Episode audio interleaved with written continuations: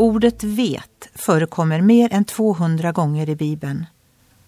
Orden vis och vishet förekommer över 100 gånger. Ordet gissning förekommer bara en gång i betydelsen att gissa en gåta.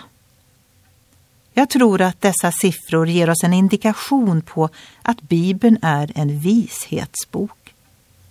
Lyckligtvis behöver vi inte gissa gåtor när det gäller Gud och vad han vill.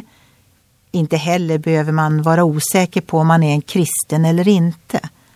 Hela Bibeln är inriktad på att vi ska bli trygga i vår tro när vi sätter vår tillit till Jesus Kristus och gör honom till Herre i våra liv. Aposteln Johannes skrev om syftet med sitt författarskap.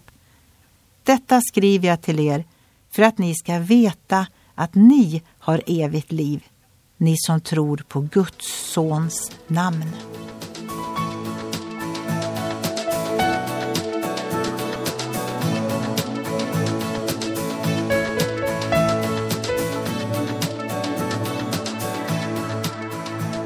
Ögonblick med Gud producerat av Marianne Källgren, Noria Sverige.